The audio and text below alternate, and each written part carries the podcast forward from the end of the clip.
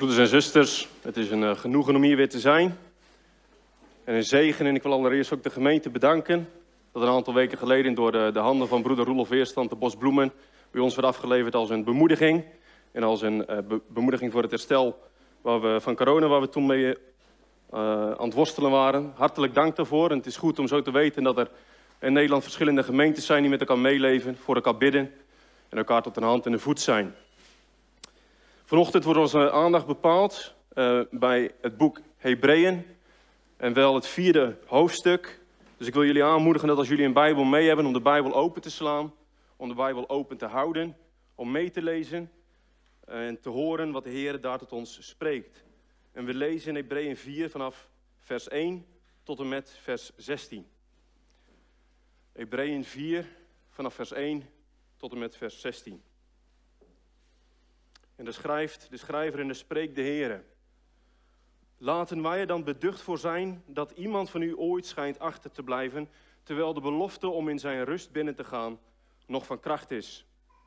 Want ook aan ons is het evangelie verkondigd, evenals aan en. Maar het gepredikte woord bracht hun geen voordeel, omdat het niet met geloof gepaard ging bij hen die het hoorden. Wij, die tot geloof gekomen zijn, gaan immers de rust binnen, zoals hij gezegd heeft. Daarom heb ik in mijn toren gezworen, mijn rust zullen zij niet binnengaan. En dat terwijl zijn werken al sinds de grondlegging van de wereld voltooid zijn. Want hij heeft ergens over de zevende dag als volgt gesproken. En God heeft op de zevende dag van al zijn werken gerust. En op deze plaats opnieuw. Zij zullen mijn rust niet binnengaan. Omdat dus het feit blijft dat sommigen deze rust binnengaan, en dat zij aan wie het evangelie eerst verkondigd was, niet binnengegaan zijn vanwege een ongehoorzaamheid, bepaalt hij opnieuw een zekere dag. Namelijk heden. Wanneer hij zo lange tijd daarna door David zegt, zoals al eerder gezegd is, heden, als u zijn stem hoort, verhard dan uw hart niet. Want als Jozua hen al in de rust gebracht had, zou God daarna niet gesproken hebben over een andere rust, of een andere dag. Er blijft dus nog een sabbatsrust over voor het volk van God. Want wie zijn rust binnengegaan is, die heeft zelf ook van zijn werken gerust, zoals God van de zijne. Laten wij ons dan beijveren om die rust binnen te gaan. Opdat niemand door het volgen van dit voorbeeld van ongehoorzaamheid ten val zal komen. Want het woord van God is levend en krachtig en scherper dan enig tweesnijdend zwaard. En het dringt door tot op de scheiding van ziel en geest, van gewrichten en merg en het oordeelt de overleggingen en gedachten van het hart. En er is geen schepsel onzichtbaar voor hem, maar alles ligt naakt en ontbloot voor de ogen van hem aan wie wij rekenschap hebben af te leggen. Nu wij dan een grote hoge priester hebben, die de hemelen is doorgegaan, namelijk Jezus, de Zoon van God, laten wij aan deze beleidenis vasthouden. Want wij hebben geen hoge priester die geen medelijden kan hebben met onze zwakheden maar één die op alle wijzen, die in alle wijzen op dezelfde wijze als wij het verzocht, maar zonder zonde. Laten wij dan met vrijmoedigheid naderen tot de troon van de genade, opdat wij barmhartigheid verkrijgen en genade vinden om geholpen te worden op het juiste tijdstip. Tot zover de lezing van Gods woord. En vanochtend staan we stil, met name bij vers 16. Laten wij dan met vrijmoedigheid naderen tot de troon van de genade, opdat wij barmhartigheid verkrijgen en genade vinden om geholpen te worden op het juiste tijdstip. Broeder en zuster, hoe is het met jou, met uw gebedsleven? Hoe is het met jouw gebedsleven? Die tijd die je doorbrengt met de Heer zelf, persoonlijk, in je stille tijd, in je huis. Hoe is het met jouw gebedsleven? Als je een cijfer moest geven tussen de 1 en de 10, wat zou dan het cijfer zijn dat je zelf geeft aan, jou, aan uw gebedsleven? In 2019 is er een onderzoek geweest onder 14.000 christenen. En van die 14.000 christenen was er slechts 2% die hun gebedsleven een 9 of een 10 gaf. En meer dan 70%, bijna 75% gaf hun gebedsleven een dikke onvoldoende, een 5 of lager. Meer dan 70 procent. En in het onderzoek kwam ook naar voren dat bijna 63% van de christenen, van die 14.000 mensen, in de afgelopen 24 uur geen enkel moment van gebed hadden of hebben gehad. Geen enkel moment van gebed hadden ingepland of daar tijd voor hadden genomen. En het was in 2019. En een Schotse theoloog die zei daarover, hij zegt, hij benadrukte dat gebedsloosheid de wortel van alle zonde is. En hij schreef, wanneer wij niet elke dag een oprecht en een gelovig gebed, of uh, tijd doorbrengen in een oprecht en gelovig gebed, dan zeggen wij eigenlijk dat we Gods hulp niet nodig zijn. En hij zegt, is dat niet een menselijke arrogantie op zijn hoogtepunt? En als we zien en we lezen door de evangeliën en we volgen de Heer Jezus, dan zien we in deze Godmens, zien we een man doordrenkt van gebed. Hij bracht tijd door met zijn vader, dagelijks. Gemeenschap zoekend met zijn hemelse vader. En we horen het vaker, als de Heer Jezus die, tijd, die tijden van gebed nodig was, hoeveel te meer hebben wij als zondige, gevallen mensen tijd nodig met de Heer. En deze Schotse theoloog zei verder, gebedsloos zijn is schuldig zijn aan de ergste vorm van praktisch atheïsme. We zeggen dat we in God geloven, maar wij zeggen, we bewijzen met onze gebedsloosheid dat we zonder Hem kunnen leven. Als het ware dat Hij niet bestaat en dat we het zelf ook kunnen rooien. En dat is de vraag die vanochtend naar jou en naar u en naar mij toekomt. Hoe is het met jouw gebedsleven? Ervaar je die vreugde? Ervaar je die intieme wandel met de Heer? En vanochtend kijken we naar Hebreeën 4, vers 16.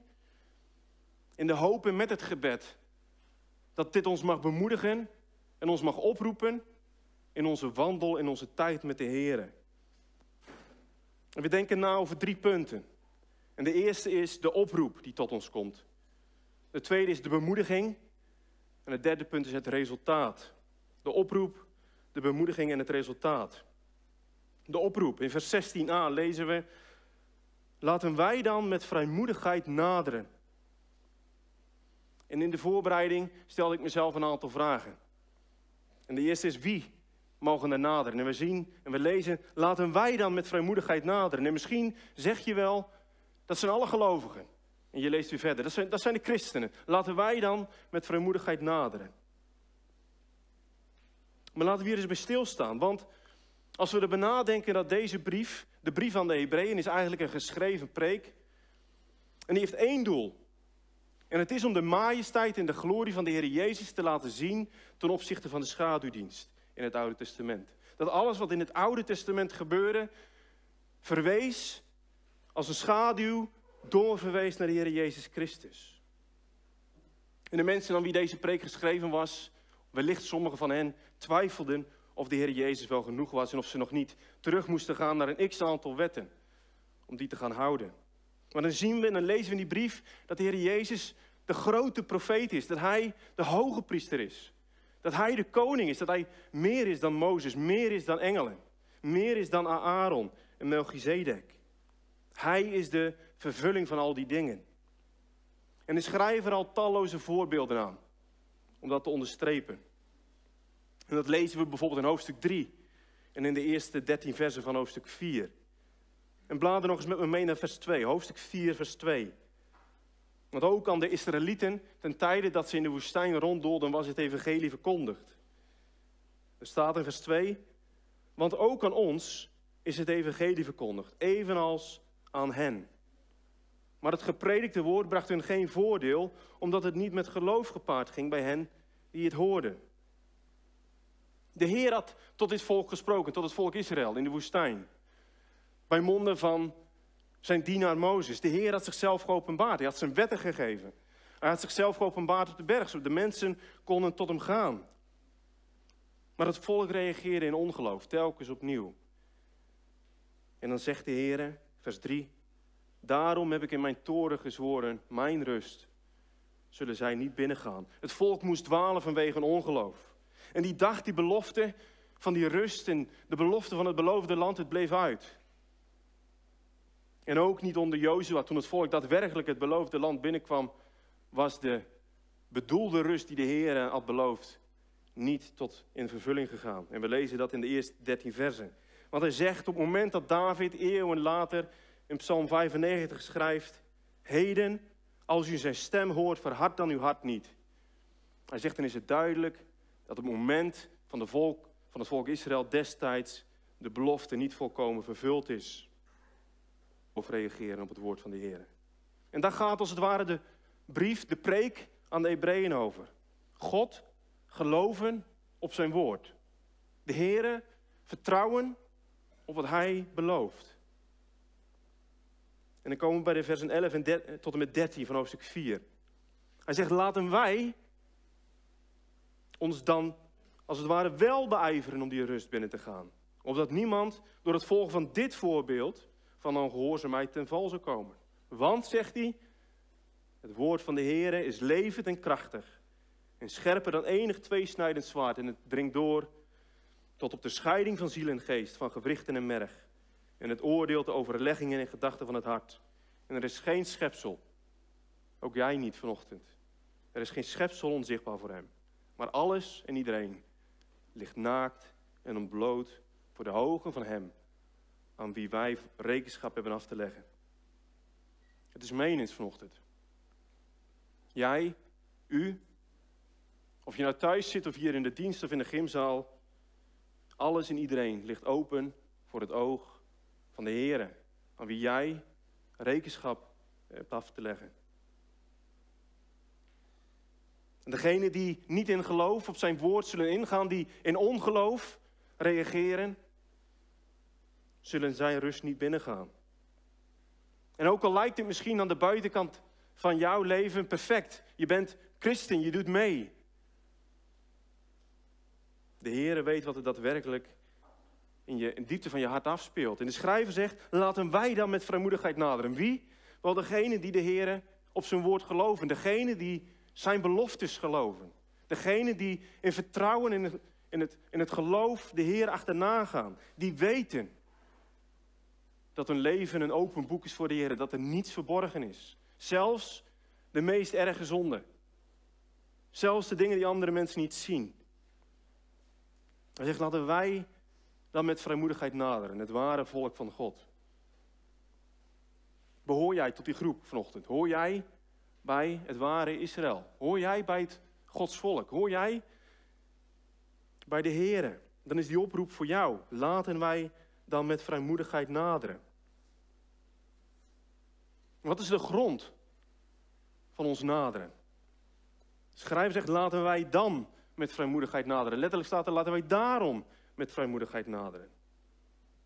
waarom?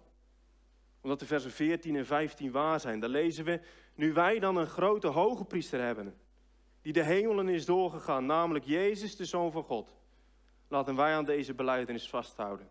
Want wij hebben geen hoge priester die geen medelijden kan hebben met onze zwakheden, maar één die in alles op dezelfde wijze als wij is verzocht, maar zonder zonde. Daarom, laten wij daarom met vrijmoedigheid naderen. We hebben niet zomaar een hoge priester. Dus de schrijver zegt, we hebben een grote hoge priester.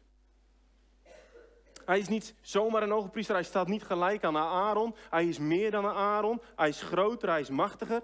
En waarom, zegt de schrijver van deze brief? Omdat deze Jezus, de Zoon van God, de hemelen is doorgegaan. In de tabernakel die niet met handen is gemaakt. Om verzoening teweeg te brengen voor zijn volk. En wat we net al hoorden en lazen in het Leviticus, is dat Aaron en de andere hoge priesters na hem één keer per jaar het heilige der heiligen binnen mochten gaan. Om daar verzoening allereerst voor hunzelf en daarna ook voor de mensen teweeg te brengen. Maar deze hoge priester, deze Heer Jezus, is een volmaakte hoge priester. Hij heeft zichzelf smetteloos geofferd. Hij is geheiligd, hij is, hij is puur, hij is rechtvaardig, zonder smet, zonder rimpel. En maar die andere hoge priester maar één keer per jaar het heilige der heiligen mocht binnengaan met het bloed. En dat hij daar de ark van het verbond zag door de wolken van de wierook. Om daar verzoening te doen. Zo is deze grote hoge priester, onze Heer Jezus Christus, de ware tabernakel doorgegaan tot in het heilige der heiligen met het bloed van hemzelf. Hebreeën 9, vers 12 zegt, hij is niet door bloed van, blokken, van bokken of kalveren, maar door zijn eigen bloed eens en voor altijd binnengegaan in het heiligdom. En heeft daardoor een eeuwige verlossing teweeggebracht. Waarin het Oude Testament dit ritueel elk jaar herhaald moest worden. Daar heeft onze Heer Jezus Christus het eenmaal gedaan, voor eeuwig en voor altijd.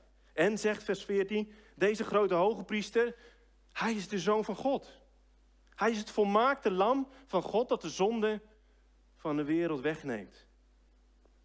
En dat is de eerste belofte die in het Nieuwe Testament over deze Jezus wordt gedaan. Geef hem de naam Jezus, want hij zal zijn volk zalig maken van hun zonde. En daarom, dat is de grond van het naderen van het volk van God. Omdat ze deze grote, volmaakte hoge priester hebben. En wanneer mogen ze dan naderen? Wanneer mag het volk van God naderen? De oproep is van nu. Er staat laten wij dan met vermoedigheid naderen. Nu, heden, zegt hij. Indien wij zijn stem horen, laten wij dan met vrijmoedigheid naderen. Vandaag, vanochtend. Niet slechts op die ene dag, op die grote verzondag, waarin de hoge priester mocht naderen. Nee, die tijd is geweest. De tijd waar de profeten naar uit hebben gekeken, waar al die schaduwdienst naartoe wees, die tijd is gekomen. De tijd dat we nu door het voorhangsel van het vlees van de Heer Jezus Christus mogen binnengaan. Op elk moment van de dag, op elke dag van de week. Er is geen limiet, er is geen grens. Het naderen is nu. En wat de hele tijd door de Hebreeënbrief voorbij komt, dat is die term heden. En die nu zijn stem hoort. Vandaag, verhard je hart niet. Er is volmaakte vrijheid en volmaakte toegang. Voor jou, voor u en voor mij. Maar hoe moeten we dan naderen? Als we dan naderen tot deze troon, dan zegt de schrijver, laten wij dan met vrijmoedigheid naderen. Niet met angst, niet met beven. En als je dat leest in de hoofdstukken in Exodus, op het moment dat de Heer neerkomt op de berg, wat doet het volk? Het volk aan het begin gaat naar de berg toe, ze staan dichtbij. En dan openbaart de Heer zich en dan is daar donder en dan is daar bliksem en bazuingeschal op de berg. En een paar versen later lezen we dat het volk zich verplaatst en naar achteren trekt, omdat ze bang zijn voor wat er gebeurt, dat de berg siddert en beeft. Ze waren benauwd en ze werden bang. Maar zo niet met ons. Wij mogen met vrijmoedigheid, dat is met, met moed, met stoutmoedigheid, met durf. We mogen komen om te praten, om te spreken tot de Allerhoogste. Openhartig, zonder angst, zonder beven. Onverschrokken. wat we lazen in Marcus, het voorhangsel is gescheurd. En we mogen dat heilige der heilige binnengaan door het werk van de Heer Jezus Christus. Geestelijke vrijheid. Waarmee we dus met vertrouwen, omdat we een grote hoge priester hebben, mogen binnengaan. Er is geen afwijzing meer voor degenen die door de Heer Jezus tot God de Vader komen. En je kunt het zo schetsen, en het is een gebroken beeld, maar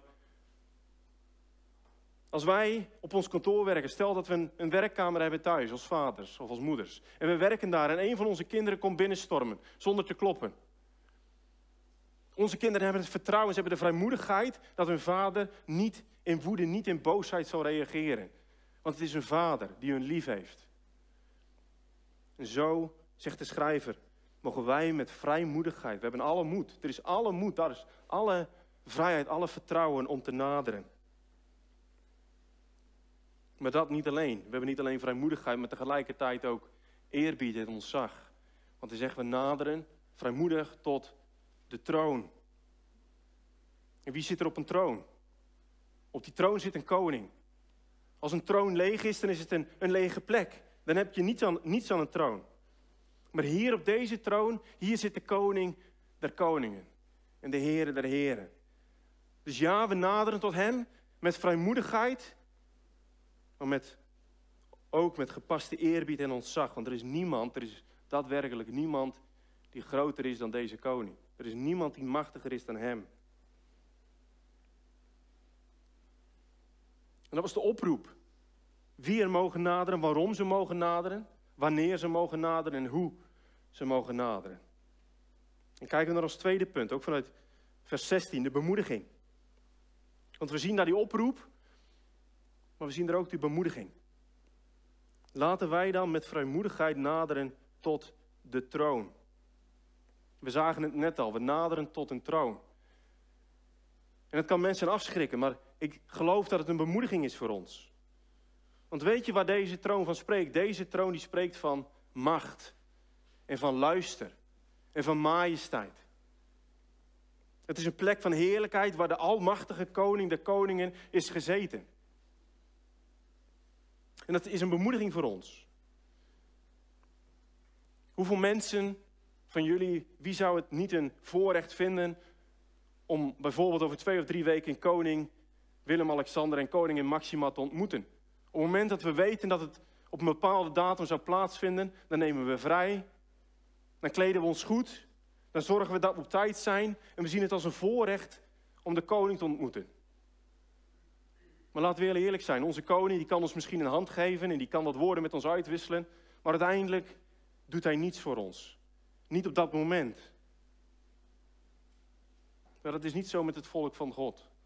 Op het moment dat wij naderen tot de troon, dan naderen we tot een koning die almachtig is, dan naderen we tot een koning die alwijs is, die eeuwig is, die alles in zijn hand heeft. Zonder angst. Niet zoals een Esther bij Ahasveros, die niet wist, die niet zeker wist of deze koning zijn gouden scepter zou uitreiken naar Esther. Bij ons is de christenen, het volk van God, is niet de vraag hoe zou hij reageren. We naderen tot een genadige Heer. En als er iemand is die jou, die mij kan helpen, dan is het deze machtige Heer. Dus we naderen tot een troon, een troon van macht, een troon van kracht waar alle heerlijkheid wordt tentoongespreid. Maar aan de andere kant, we naderen niet alleen tot de troon. Er staat, we naderen tot de troon van de genade. Niet een troon, niet een genade, we naderen tot de troon van de genade. En de schrijver maakt hier opnieuw een connectie met het Oude Testament. En de kinderen hebben het, als het goed is, ook afgelopen week in het document dat is rondgestuurd, hebben ze erover kunnen lezen. En het verzoendeksel wordt in het Engels ook wel genoemd de mercy seat. De troon van genade, de, de plek waar genade tentoon wordt gespreid. De plek waar de Heer woonde onder zijn volk. Onzichtbaar, dat wel. Door wierook omvangen. Afgescheiden door een dik gordijn. Daar waar verzoening tot stand werd gebracht door de hoge priester, door het bloed dat werd gestort. Is de vraag, spreekt een troon van genade, spreekt de troon van genade, spreekt dat hier vanochtend over oordeel of over straf? Of spreekt dit over ongerechtigheid? De schrijver is heel specifiek. Hij zegt: Het is de troon van de genade. En die troon is op geen enkele andere manier te beschrijven. Het is de troon van de genade. De troon waar Christus zit. Gezeten als volmaakt lam van God.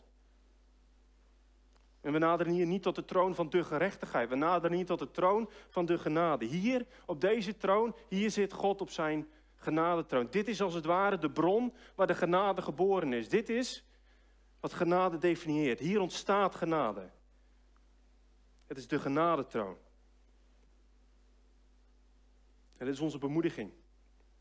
Dat we naderen tot de troon van de Almachtige en dat we niet alleen naderen tot, tot Hem als, als machtige koning, maar dat we tot Hem naderen in Zijn genade.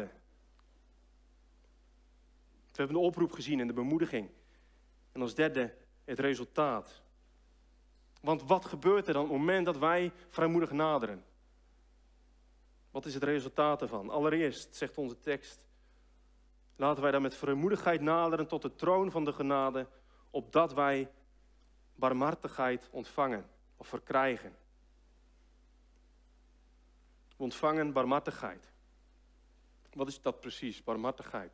De schrijver die zegt in Hebreeën 2 vers 17 over de Heer Jezus, hij schrijft daar, daarom moest hij in alles aan zijn broeders gelijk worden, opdat hij een barmhartig en een getrouw hoge priester zou zijn. En barmhartigheid, dat betekent dat hij vol compassie is, dat hij vol liefde is, vol bewogenheid. Barmhartig betekent dat er geen streng oordeel is. Barmhartig betekent dat hij, dat we het verkrijgen, dat het vanuit zijn hart komt. Dat het een overstromende bron is. Hij zegt, en we verkrijgen het. Het is een gave om niet. Uit pure goedheid. Hij geeft zichzelf vol goedheid en vol liefde, zonder limiet. En we ontvangen zijn bewogenheid, we ontvangen zijn medelijden. Hij is bewogen met zijn volk. En zijn hart gaat naar zijn volk uit. Hij is niet wreed. Hij is niet streng.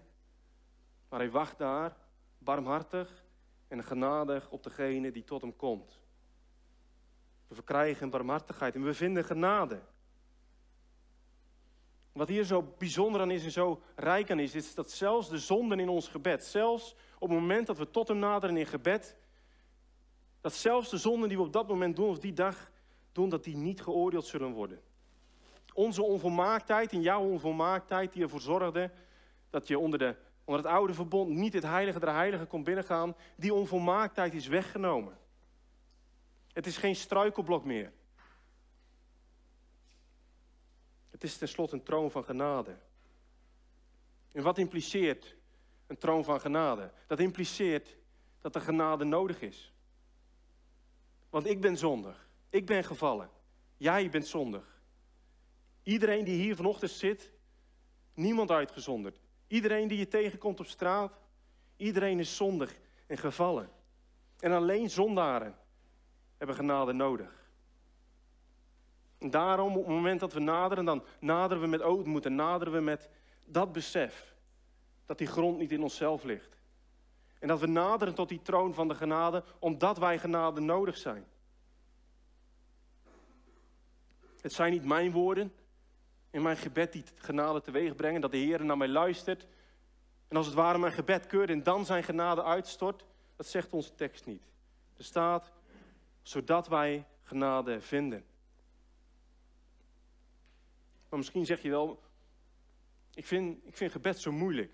Net als die bijna 75% van die 14.000 christenen die hun gebedsleven een dikke onvoldoende gaven. En Spurgeon zei daarover, op het moment dat we het idee hebben dat we niet kunnen bidden, dat we gebedsloos zijn. Hij zegt, bid tot je kunt bidden. Bid om geholpen te worden te bidden. En stop niet met bidden omdat je niet kunt bidden. Want het is wanneer je denkt dat je niet kunt bidden, dat je aan het bidden bent. Laten we daarom naderen tot de troon van genade. Laten we de Heer zoeken. Er staat nergens in onze tekst, we moeten leren om te bidden. Er staat nergens, we moeten de volmaakte formuleringen hebben. Er staat nergens, we moeten minimaal een half uur per dag in gebed naderen. Er staat, laten wij dan met vrijmoedigheid naderen. Niet zodat wij misschien barmhartigheid verkrijgen en genade vinden, maar op dat. Het is een zekerheid op het moment dat we naderen, door de Heer Jezus Christus tot de troon van de genade, zullen wij barmhartigheid verkrijgen en genade vinden. Ja, maar zeg je vanochtend, ik heb zoveel zonde, je weet niet wat er in mijn hart speelt. Broeder of zuster, als ik zou vertellen wat er in mijn hart zou spelen, welke zonden er in mijn hart huizen, dan zouden we schrikken. En is dat niet juist het punt dat je daarom genade nodig bent? Op het moment dat we onszelf zien als zondaar, als we onszelf zien als iemand die de wet van de Heer heeft overtreden, dan is er maar één uitweg. En het is genade. Ja, maar zeg je, ik voel me zo schuldig. Waar in onze tekst staat dat we ons schuldig moeten voelen. Er staat, kom, laten we daarom met vrijmoedigheid naderen. Nogmaals, waarom? Omdat we die grote hoge priester hebben. Namelijk de Heer Jezus Christus. Ja, maar ik weet niet of hij mij wel genadig wil zijn. De Heer zegt, zie op mij en word behouden. Als zelfs Paulus zegt, hij zegt, ik ben de voornaamste van de zondaren. En mij is genade betoond. Ik ben wat ik ben door de genade van God. Als hij dat zegt als grootste, als voornaamste van de zondaren. Dan is er vanmiddag ook voor ons genade. Vanochtend ook voor ons genade. De toegang is vrij. Misschien zeg je wel, ja, maar ik val zo vaak, ik struikel zo vaak. Het gaat zo vaak mis in mijn leven. Telkens probeer ik het opnieuw, maar telkens struikel ik, telkens val ik weer. Wat heb je dan opnieuw nodig? Genade en herstel. Ja, maar zegt iemand, ik kan toch niet zomaar naderen? Dat kan ook niet. Er moest iets gebeuren. Wat broeder Alexander al las. Er moest iets groots gebeuren voordat een zondig mens kon naderen tot deze God. Het lam Gods werd geslacht. En heeft zijn leven, heeft zijn lichaam gegeven, heeft zijn bloed gestort. Daar op het kruis van Golgotha. En de oproep is, kom en aanschouw Christus. Kijk naar de Heer Jezus Christus. Kijk niet naar jezelf. Kijk niet naar je zonden. Maar kijk buiten jezelf naar de Heer Jezus. Aanschouw het lam Gods en kom tot de troon van genade.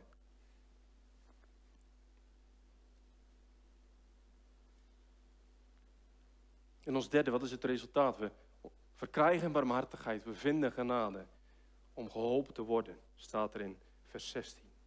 Om geholpen te worden op het juiste tijdstip. En de vraag is, is deze goddelijke hulp slechts even beschikbaar? En ik moest denken, er zijn soms van die programma's op televisie waarin mensen vragen krijgen die ze moeten beantwoorden, dat ze één keer een hulplijn mogen inschakelen. En op het moment dat die hulplijn is gebruikt, dan is dat voorbij. Dan kunnen ze geen hulp meer krijgen. Maar zo is dat niet met het volk van God. Op elk moment dat we hulp nodig zijn, op elk moment dat we genade nodig zijn, mogen we naderen. Zijn barmhartigheid en zijn genade is 24 uur per dag. Zeven dagen in de week. Verkrijgbaar. En zijn hulp is voldoende om zijn volk in staat te stellen, zegt de Hebreeën schrijver, om de beleidenis vast te houden, om vast te houden aan het geloof.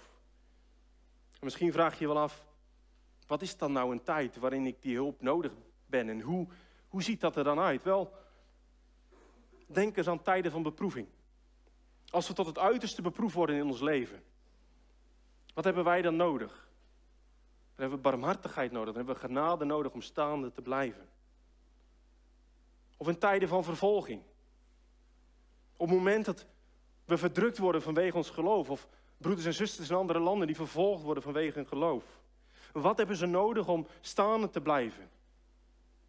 Wat hebben ze nodig om die beleidenis vast te houden? Ze hebben barmhartigheid nodig en genade. In tijden van verleiding, wanneer de zonde loert. Wat voor zonde dan ook, of het hoogmoed, trots, lust of hebzucht is. Wat hebben wij dan nodig om nee te zeggen. Om deze zonde te overwinnen. Genade en barmhartigheid. In tijden van geestelijke dorheid. Misschien ervaar je je gebedsleven in je tijd met de Heer wel als een dikke onvoldoende. En is het droog en dor in je geestelijke leven en je wandel met de Heer. Wat hebben we dan nodig? Wat heb jij dan nodig? Barmhartigheid en genade. Om ons hart weer zacht te maken. Om weer die frisse stroom uit zijn woord te kunnen drinken. In tijden van verandering, als de wereld om ons heen verandert. Als niets is, als niets lijkt wat het was. Als mensen ons ontvallen. Wat hebben we dan nodig? Barmhartigheid en genade. En ga zo maar door. Ten tijde dat we sterven, dat we dit leven zullen verlaten. Wat hebben we dan nodig? Barmhartigheid en genade om vol te houden. En we kunnen misschien beter de vraag stellen: wanneer is het niet de tijd om deze barmhartigheid, deze hulp te krijgen? Hij zegt nu, zegt de schrijver, nu is de tijd, heden, vandaag, indien wij zijn stem horen. De zaken waar u, waar jij vanochtend mee worstelt, die verborgen dingen die niemand misschien ziet. Nu is de tijd om te naderen in vrijmoedigheid. En we komen tot een afronding. Maar weet je wat zo rijk is? Dat wij als christenen, als mensen die wederom geboren zijn door het werk van de Heilige Geest, we hoeven onze zwakheden en onze zonden niet meer te verbergen. Want wat stond er ook weer in hoofdstuk 13? of in vers 13 van hoofdstuk 4. Er is geen schepsel onzichtbaar voor hem, maar alles ligt naakt en ontbloot voor de ogen van hem aan wie wij rekenschap hebben af te leggen. Je bent een open boek. En weet je wat nog rijker is? Vers 15. We hebben geen hoge priester die geen medelijden met ons kan hebben. Maar één die in alles op dezelfde wijze als wij is verzocht, maar zonder zonde. In Christus hebben wij een hoge priester die bewogen kan zijn met onze zwakheid. In Christus hebben wij een hoge priester die medelijden kan hebben met onze en bewogenheid kan hebben met onze zwakheid als mensen. God moest mensen worden. Omdat wij kinderen van vlees en bloed zijn. In hoofdstuk 2, vers 17 staat: Daarom moest hij, dat is de Heer Jezus, in alles aan zijn broeders gelijk worden, opdat hij een barmhartig en een getrouwe hoge priester zou zijn. In de dingen die God betreffen, om de zonde van zijn volk te verzoenen. Want waarin hij zelf geleden heeft toen hij verzocht werd, kan hij hem die verzocht worden te hulp komen. En misschien vraag je je dat wel af vanochtend. Hoe kan het nou dat de Heer Jezus, hoewel hij zonderloos was, hoe kan hij dan die verleidingen hebben doorstaan als hij geen zonde had? En de voorganger uit Engeland gebruikt het volgende voorbeeld. Hij zegt op het moment dat we een plaat staal hebben, dan kan die plaat staal 18.000 kilogram druk per vierkante centimeter aan. En op het moment dat de druk hoger wordt, zal de plaat knappen. Hij zegt als we een stuk carbon nemen, dat kan een druk aan van 370.000 kilo per vierkante centimeter. Maar op het moment dat de druk te hoog wordt, zal deze knappen. Hij zegt niet zo met de Heer Jezus. De volmaakte combinatie van God en mens is bestand tegen alle druk die op hem uitgeoefend wordt, zonder dat hij een krimp geeft. Zonder dat hij een schram of een schraap heeft. En de vraag is dan, wie of wat heeft er meer druk doorstaan? Die plaat staal die met 18.000 kilo druk al knapte, die plaat carbon, en het is met eerbied gesproken, of de Heer Jezus Christus die alle druk op zich kreeg, de zonde van de wereld droeg en niet knapte, niet boog. En hij riep het uit, mijn God, mijn God, waarom hebt u mij verlaten? Het woord zegt, hij werd in alles verzocht zoals ons, op alle mogelijke manieren, maar zonder zonde. Wie heeft er meer geleden? Wie heeft er meer verzoekingen gekend? Wij of de Heer Jezus? Hij die tot bloedens toe gestreden heeft en die niet heeft toegegeven. Hij die, wij die vaak al bij de, de lichtste druk en de lichtste, ehm, de lichtste druk die op, op ons wordt opgevoerd, al toegeven aan de zonde. Geef het antwoord maar. Wij kunnen naderen en wij kunnen daarom zeker stellen dat de verzoekingen die de Heer Jezus onderging niet minder waren dan die van ons, maar juist meer en groter. Omdat Hij volmaakt en zonder zonde is. En Zijn overwinning is de basis van ons vertrouwen. Hij hoefde niet te offeren voor zijn eigen zonde zoals de andere hoogpriesters dat wel moesten doen. Dus ja, als er iemand medelijden kan hebben met ons, als er iemand ons te hulp kan komen, dan is het deze Heer Jezus. En daarom vanochtend de oproep, verberg je niet voor Hem. Je bent een open boek. Alles wat er in je hart leeft is voor Hem bekend. En Hij heeft Gods toren, Gods woede gedragen aan het kruis. Hij kent ons, Hij ziet ons. En nog mooier, Hij nodigt ons. Kom dan tot Hem. Geloof in het Evangelie. Geloof in de Heer Jezus Christus. En laten wij daarom met vrijmoedigheid naderen tot de troon van genade. Opdat wij barmhartigheid verkrijgen en genade vinden. Om geholpen te worden op het juiste tijdstip. Gelooft is God de Vader. Gelooft is God de Zoon. Gelooft is God de Heilige Geest, de drie-enige, op zijn troon. Amen.